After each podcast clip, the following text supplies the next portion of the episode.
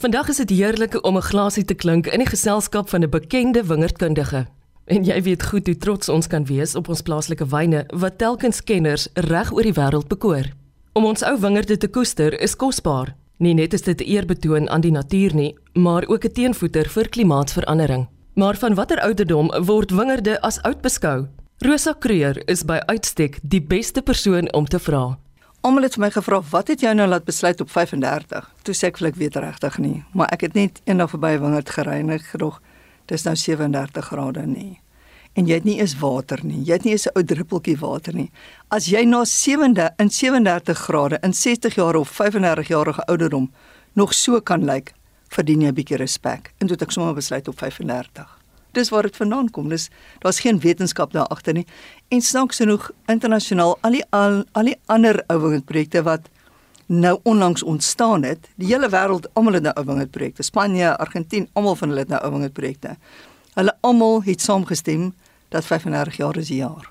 Omdat Suid-Afrika so sê. Jy het gesê parstyd van jaar is 'n rowwe een. Ek wonder waarom. nee man, hierdie jaar is taai en rof en moeilik in die wingerd met parstyd. Dis die eerste jaar en ek is ek is nou in die wingerd. Ek is nou in die wingerd vir 22, 23 jaar. Maar dis die eerste jaar wat ek 5 naweke na mekaar in die Swartland 40 grade gehad het. 40, 42 grade buite in die son. Dis te veel. Dit maak my baie bekommerd oor die toekoms. Oor wingerde in die warm areas van ons land. Ehm um, maar ons het nogal 'n paar antwoorde in ons mou daaroor wat ek dink kan dalk werk om klimaatsverandering te beveg. Maar is daai hier jaar wanneer is warm en dit is dit was so lekker Engelse ou ligte ou lentjie. Jy weet almal het rokkies gedra, niemand het gebrand in die son nie.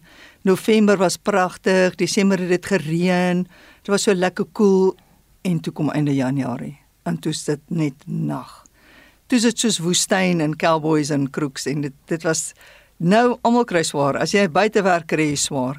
My reël is as dit en nou gaan die ander boere natuurlik lekker lag maar my reël is as dit 5 36 37 grade plus dan kan ek nie mense laat werk in die wingerd nie aanhaal ek hulle uit dan laat ek hulle ander werk doen. Ek bly in Rebecca Steel of Rebecca Wes langs 'n baie goeie boer. Ek gaan sy naam noem Ouman Brink. Hy boer groot en hy bel my die ander oggend uit sy parsmasjien en hy sê Rosa die wingerde kry swaar. En dit is so ek kan sien die wingerde hulle hulle beklei, hulle beklei hard. Maar die wingerd is dapper goed. They put up a fight. En is dit nie maar waaroor dit gaan nie? Just to put up a fight. Of dit nou 22, 23 jaar is, ons weet nie. Maar een van my gunsteling kitsfeite omtrent jou is die feit dat jy ook 'n regsgeleerde is en so gepraktiseer het en ook 'n joernalis was. Dis reg, ja. Ek het nooit gepraktiseer. Ek het my ek het eintlik is dit nogal was dit in ek's nogal trots daarop om die waarheid te sê. Ek is 17 jaar oud toe ek uit my ma se huis uit is met my met my tassie Johannesburg toe toe kan ek nie 'n woord Engels praat nie. Toe moet ek in 'n restaurant gaan werk om my studies te betaal. Ek moes in die kombuis potte skrob tot ek kan Engels praat. Toe sê hulle, "Oké, okay, nou kan jy maar gaan bedien." Toe ek die geluk gekry om onder professor Nina Ouwerton en Willem de Klerk my meestersgraad te doen. Hulle was twee wonderlike mense en twee wonderlike akademici. En toe het ek by Beeld gewerk vir 5 jaar in die nagnuuskantoor wat 'n taalkantoor is en dit was 'n wonderlike tyd van my lewe. Ek het baie geleer daar, baie internasionale politiek moes jy weet deurlees en saamvat. En toe het ek besluit ek wil regte studeer wat ek te begin doen het en my LLB graad gekry deur deeltyds te studeer en voltyds te werk. En toe het ek my prakties begin doen. Ek het my soos in, in my kandidaatskap gedoen vir 3 jaar langer as gewoonlik. En toe net eendag besluit toe ek al my seun gehad, my seentjie was toe nog 'n kleintjie. Ek het eendag ek sal dit nooit vergeet nie. Ek het skool toe gery het in Johannesburg gebly. En ek het so smart ka mooi karretjie gery en ek het 'n mooi swart rokkie aangetree, wakskoene en ek ry skool toe en hy toe sit hy al toe sit al 6 uur toe sit hy al vir my en wag met rooi gelde oë ek het hom so gekyk en ek het gedink ek kan nooit as 'n professionele vrou ook 'n kind in die stad grootmaak nie en toe het ek besluit om toe ek 'n geleentheid gekry totaal per ongeluk om in die Kaap te kom boer ek het my kar gepak, my huis verkoop en Kaap toe getrek. En toe was ek weer gelukkig. Ek het nog net 90% van my lewe was nog net ek was ek nog net gelukkig. Ek weet nie hoekom nie. Dit is maar net soos dit is. Toe natuurlik het ek vir Eben Archer en David Simon ontmoet wat my baie geleer het. En ek dink hulle het gedink die arme meisiekind, sy weet niks. Ons moet haar onder ons vlerk neem. Wat hulle gedoen het en hulle het my geleer. En toe het ek net baie baie baie begin oorsee gaan want ek het besef ek weet niks en ek moet leer. En ek het na die bes produseerende areas in die wêreld toe gaan. Ek het die beste wingerde in die wêreld deurgeloop ter voet.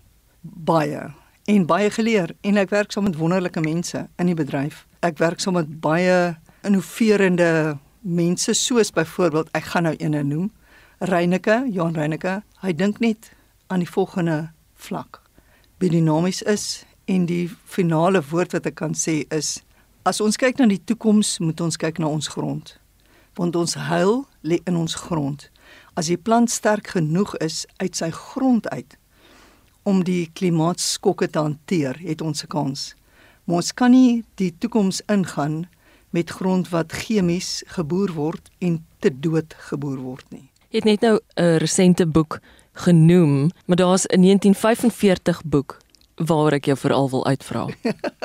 ek het gedink ek is so slim. Ai Rosa so slim. Ek gaan die wingerd op kontoure plant. Ek gaan water terugvat aan die dam toe. Ek gaan die reën oes. Al hierdie wonderlike konsepte en toe bring iemand vir my 'n boek 'n wynmaker van Hemel en Aarde en hy sê vir my Rosa, daar's hierdie boek. Ek ry hom langs die pad en hy gee vir my professor Talbot. Hy was 'n geoloog by die Universiteit van Kaapstad. Hy het die boek in 1945 geskryf aan die einde van die Wêreldoorlog. Dis baie jare gelede. Swartland in die strand in die strandveld is die boek se naam. En dit gaan oor al hierdie konsepte waaroor ek so gaande is. Preservering van bewaring van grond, die vermyding van erosie want jou lewe in jou grond lê in die boonste 30 cm onder is maar net 'n anker vir jou wortels eintlik. Of miskien 'n bietjie dreinering en so, maar die lewe lê in die boonste 30 cm. En hy het gesê as jy daai grond verloor, verloor jy alles. Hy het 'n fantastiese boek geskryf, 'n so dun boekie. Ek het hom al 'n keer deurgelees oor waar die erosiesloot is, hoe mense dit vermy, hoe mense die lande so moet sny dat jy die water opvang en al die pad af kanaliseer tot by jou dam, dat ons nie water verloor nie. En ou mense het dit so gedoen. As jy nou in die Swartland ry, kan jy op party van die hange, die koringlande nog sien waar die ou kontoure was. Maar deesdae doen mense dit nie meer so nie. Hulle plant net en ek dink dis verkeerd. Ek dink ons moet baie meer versigtig kyk na hoe ons wingerde ontwerp en hoe ons water, die reën, natuurlike reën kan oes om in ons damme te bewaar en hoe ons met grondlewe omgaan die ou konsep van kompos maak, van besemes gebruik om kompos te maak, van dekgewasse saai, want die grondwetenskaplikes wat glo in hierdie konsepte sê altyd breingrond is dooie grond en dit is so, daar moet altyd iets groens wees op die grond, nie noodwendig onkruid nie, maar iets wat die grond vashou, iets wat mikrobe lewe bring in die grond, iets wat die water vashou, iets wat die voedingsstowwe vashou in die grond en dit stadig stadig vrystel in die plant. Want Ek het 'n baie snaakse begrip van wingerdbou. Ek besef dit, maar ek glo vas daaraan dat ons moet kyk na die wingerd en vir die wingerd vra wat om te doen. Eerder is vir hom vertel wat om te doen. En dit klink nou baie vreemd, maar dit is wat ons doen en op baie plekke en is hoogs suksesvol. Wat ek bedoel is nie om daar te gaan sit en praatjies maak met die wingerd nie, maar eerder om te kyk hoe hy groei en eerder is om hom aan te help met net met kunsmis en water die hele tyd. Help hom aan deur natuurlike voedingsstowwe soos dekgewasse, soos kompos en laat hom in sy natuurlike wyse groei eerder as om hom heeltyd net te manipuleer. En waar ons nou hierdie teorie volg, het ons baie groot sukses. Dit vat lank en dit is nie so maklik soos dit klink nie en dit is altyd 'n spanpoging. Ek werk gelukkig saam met op verskillende plase saam met baie baie goeie mense. Dis vir my 'n groot voorreg om saam met hulle te werk. Maar wat ons doen is ons suksesvol. En is 'n baie meer natuurlike proses. Dis 'n sagter benadering tot die natuur. Dis om saam met die natuur ewer te lewe en saam met die landskap te lewe eerder as om dit te domineer die hele tyd. Wat maak 'n mens in gevalle soos 'n wingerd wat dan nou nie virusvry is nie? Nee, weet jy, ek kan ek kan baie lank met jou praat. Ek gaan net jou vinnig antwoord. Waar ons meer omgewingsvriendelik boer, is die effek van virus nie so kwai op die kwaliteit van die wyn nie. Dit kan ek vir jou telke male bewys. Soos die wingerd dra beter en sy wyn is beter al het hy virus, want hy kry sy krag uit die grond uit dis 'n natuurlike krag, 'n inherente krag. En dit is wonderlik. Dit beteken baie van ons wingerde kan dalk behoue bly al het hulle virus. Ek sien nie die virus gaan verdwyn nie. Ek sien nie dit is perfek nie. Glad nie. Virus is altyd 'n slegte ding, maar ons kan saam met die virus lewe in 'n manier as ons net meer saam met die natuur boer eerder is om chemies te boer, net chemies te boer. Ek sê nie moet al chemie wegvat nie. Daar's niks erger as om in 'n wingerd te staan aan die einde van die seisoen en ons 90% witroes in die wingerd nie. Want dan gaan jy jou oes verloor, jy gaan jou trekkers verloor, jy gaan waarskynlik jou vrou verloor en jy gaan jou plaas verloor. Soos dit is net om meer natuurlik en is 'n lang proses ek weet. By ek gaan nou weer Reyneke se voorbeeld volg. Word geen gifstof hoegenaamd gebruik nie. Niks. Nie 'n druppel nie.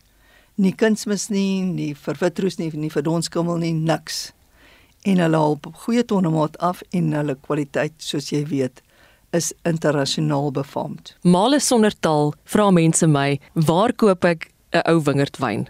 Daar's 107 van hulle.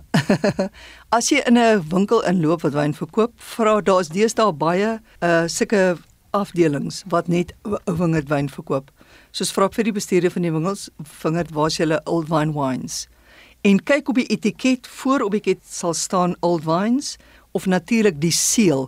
Die seël is 'n eerste in die wêreld. In Andre Morgenthal het dit uitgedink. Die seël word deur Sawes gereguleer. Op die seël sal staan Old Vine Project met die plantjaar. As dit daar staan dan weet jy daai wingerd is die wyn wat in daai bottel is word van 'n 47-jarige wingerd gemaak. Die oorseese ou wingerdprojekte is nogal was nogal verbaas hieroor want hulle het nie vir Sawes nie. Sawes is 'n wonderlike byvoeging tot die Suid-Afrikaanse wynbedryf of 'n regulatoriese liggaam. Niemand anders het dit nie. Soos as hulle Old Wine sien in Frankryk, kan dit enige ouderdom wees. Hulle kan jok. Hy kan net 15 jaar oud wees.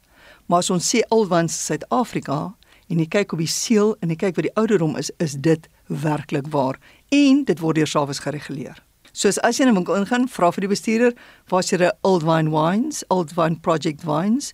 en kyk op die etiket. Bo op die nek sal daar 'n so skyn streepie wees met ons mooi embleem op en daar sal staan Old Vine Project of Old Vine Wine. Dis nie net vir ryk mense nie. Dis ook nie net vir fancy mense nie.